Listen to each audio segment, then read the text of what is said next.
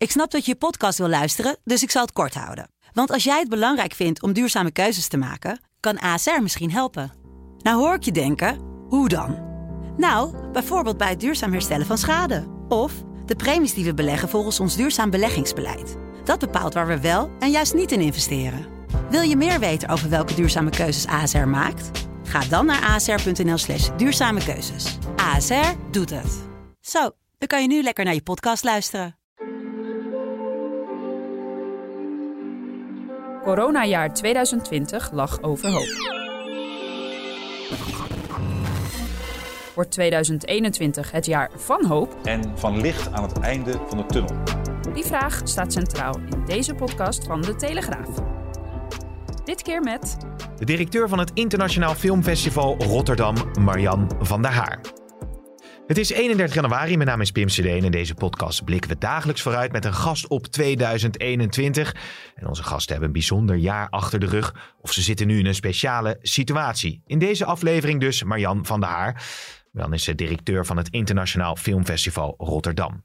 Ja, Marjan, fijn dat we jou eh, kunnen spreken in deze podcast uh, over hoop. Um, de podcast heet Over Hoop. We, blikken met, met hoop vooruit op 2021. Wat is nou hetgeen waar jij je aan vasthoudt en op verheugt? Nou ja, dit uh, jaar lag natuurlijk totaal overhoop, zal ik maar zeggen. Maar daar moeten we dan dus ook overheen stappen en uh, vooruitkijken. Dus wij uh, zijn vooral gaan kijken, we zijn 50, dat is een verjaardag. Dat willen we natuurlijk ook wel vieren. Dat moet je niet overslaan en zeker niet in deze tijden. Want je wil ook het publiek, zowel ons professionele publiek als het gewone publiek, wil je in deze tijden juist iets bieden. Ja. Want uh, het is allemaal niet zo leuk. Uh, dus uh, we willen in ieder geval ook zorgen dat film levend blijft en mensen iets kunnen beleven. Ja, en jullie hebben natuurlijk veel trouwe fans die, die niet kunnen wachten om, om korter dan wel lange films te zien. Hoe kunnen jullie dat voor hen aanbieden? Uh, dat is eigenlijk op twee manieren. Er zijn uh, uh, via onze website gaat alles gebeuren. Daar, daar is ook veel heel hard aan gewerkt om binnen die omgeving ook meer te kunnen bieden dan film kijken alleen. Mensen kunnen al vooraf met elkaar chatten. De digitale screening room staat al eerder open. Mm-hmm. Mensen kunnen dan al naar binnen. Ze kunnen al tips uitwisselen met elkaar en elkaar eigenlijk virtueel ontmoeten. Um, dan zijn er getimede premières. Dan moet je dus op tijd aanwezig zijn voor een dergelijk kaartje. En wordt die film ook in één keer uh, en aaneengesloten vertoond. Want aan, aan afloop is de filmmaker aanwezig en zal ja. er een live QA zijn. Ja. Als dat nou niet in je schema, kan je het uh, online kaartje kopen. Wat na de première direct beschikbaar is. En dan kan je 72 uur lang op je eigen moment, op je eigen tijdstip kijken. Okay. En dan krijg je vooropgenomen gesprekken met filmmakers te zien. Um, maar dan kan je hem ook stilzetten. Ja, dus precies, je kan het precies. eigenlijk een beetje aanpassen naar je eigen manier. En denk je, ik wil net dat beetje extra hebben, koop dan het kaartje voor de première. Dat is denk ik heel leuk. En als je denkt van, nou, dat lukt me even niet vandaag, pak je gewoon hm. die uh, 72 uur tickets. En even voor de helderheid, hè, want het is 1 tot 7 februari, maar dan ook nog 2 tot 6 juni. Wa waarom is dat dan? Nou, kijk, we dachten, uh, we zagen natuurlijk al aankomen van het is lastig omdat we niet al die mensen bij elkaar kunnen brengen in deze COVID-tijd. Dus we dachten, we gaan spreiden, uh, we gaan kansen spreiden, ook voor het publiek. Dus we vieren ons festival over vijf maanden. We starten uh, in februari en 2 tot 6 juni hopen we natuurlijk ook weer uh, ja. dat we de mensen uh, in de zalen kunnen ontvangen. Uh, en hebben we ook een prachtig jubileumprogramma staan. Dus we maken er een uitgebreide uh, verjaarsviering van. Ja, vijftigste editie uh, alweer. Wat, wat, wat, is nou voor de mensen die, die nu luisteren en niet echt een, een concreet beeld hebben van het uh, Filmfestival in Rotterdam? Wat, wat, wat is nou ja, in één zin of in een paar zinnen hetgeen dat festival symboliseert?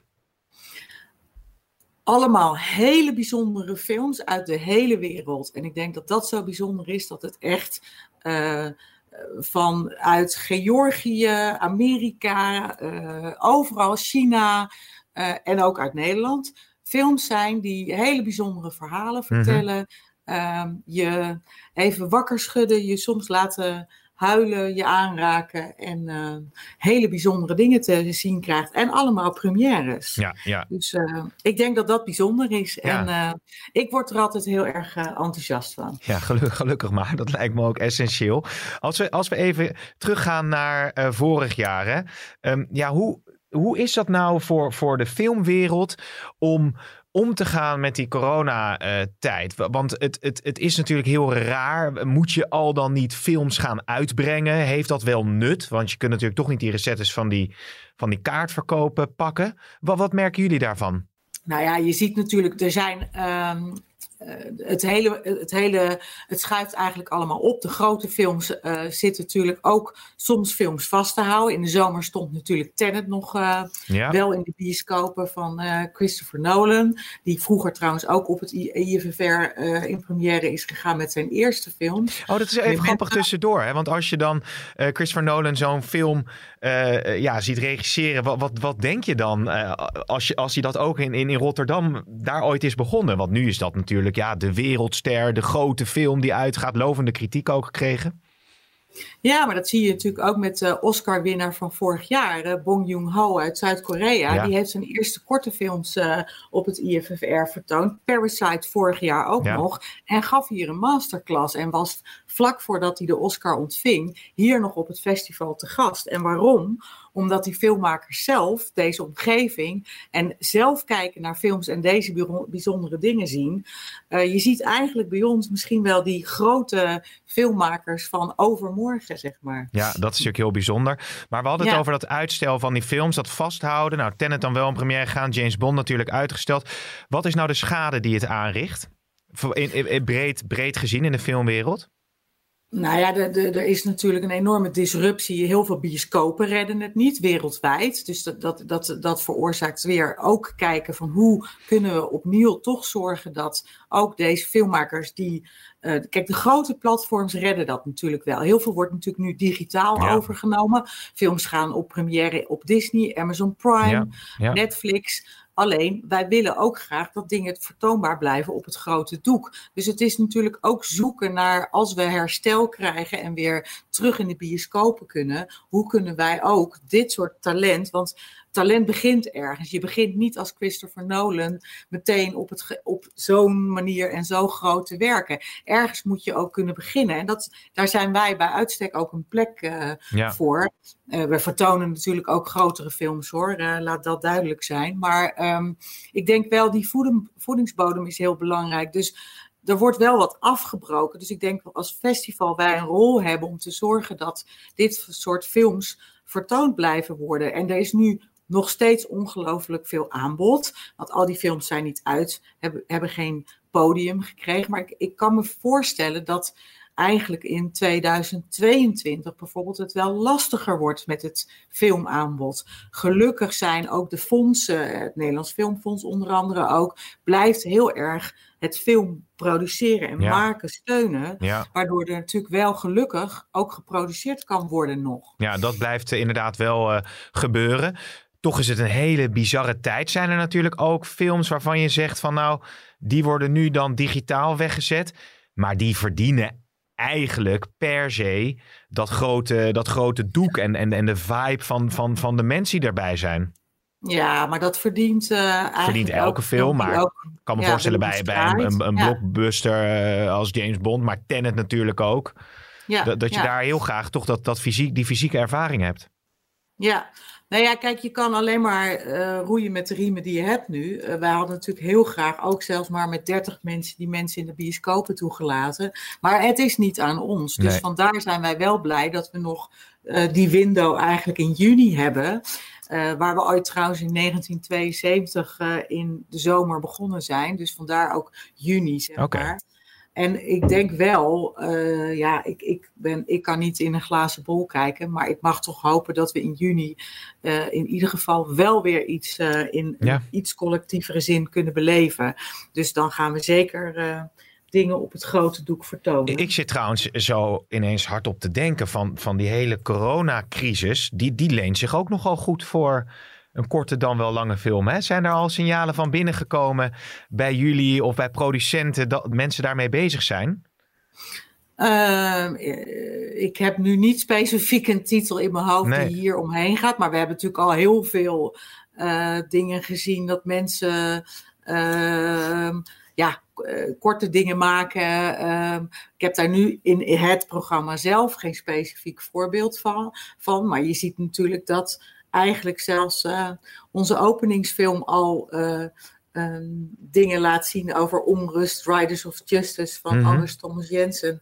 Kijk, eh, filmmakers leven gewoon met hun benen in elke cultureel Ja. of in elke maatschappij. En het, zijn, het reflecteert natuurlijk altijd van wat er gaande is in, in, in, een, in een bepaald land. Of, Ja. ja, dus je krijgt dat zeker te zien. En, eh, Heel interessant we zullen, eh, we zullen dat. nog veel dingen terugzien, denk ik, over leven in isolement in de komende Ja. tijd. Ja, denk precies. ik. Dat wordt Ja. wel, eh, wel zeer, zeer spannend.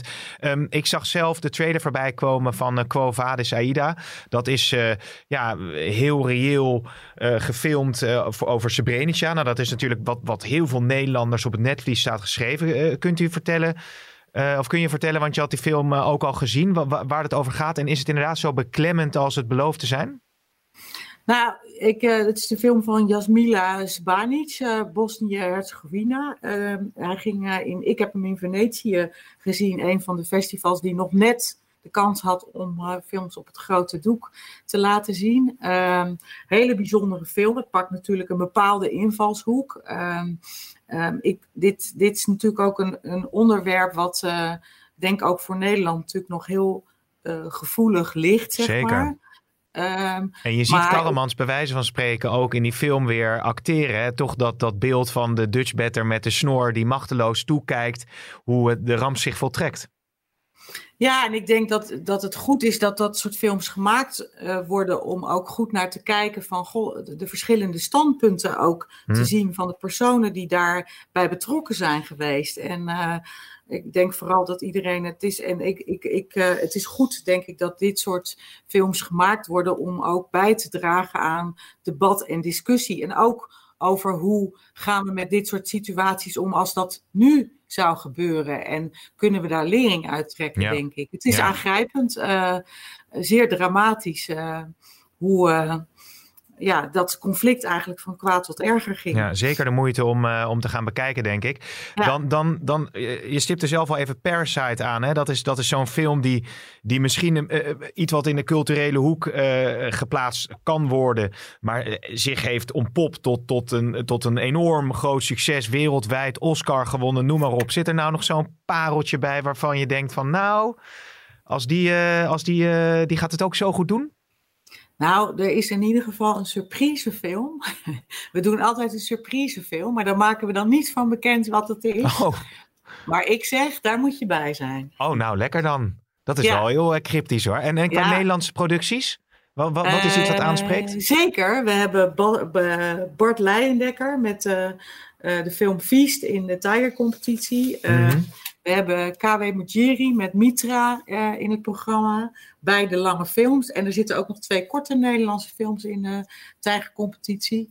Ehm, dus er is ook Nederlands aanbod, ja. zeker. Ja. En, en is het eh, voor jullie eigenlijk, want normaal hebben jullie rond de 300.000 bezoekers, eh, als ik het goed heb.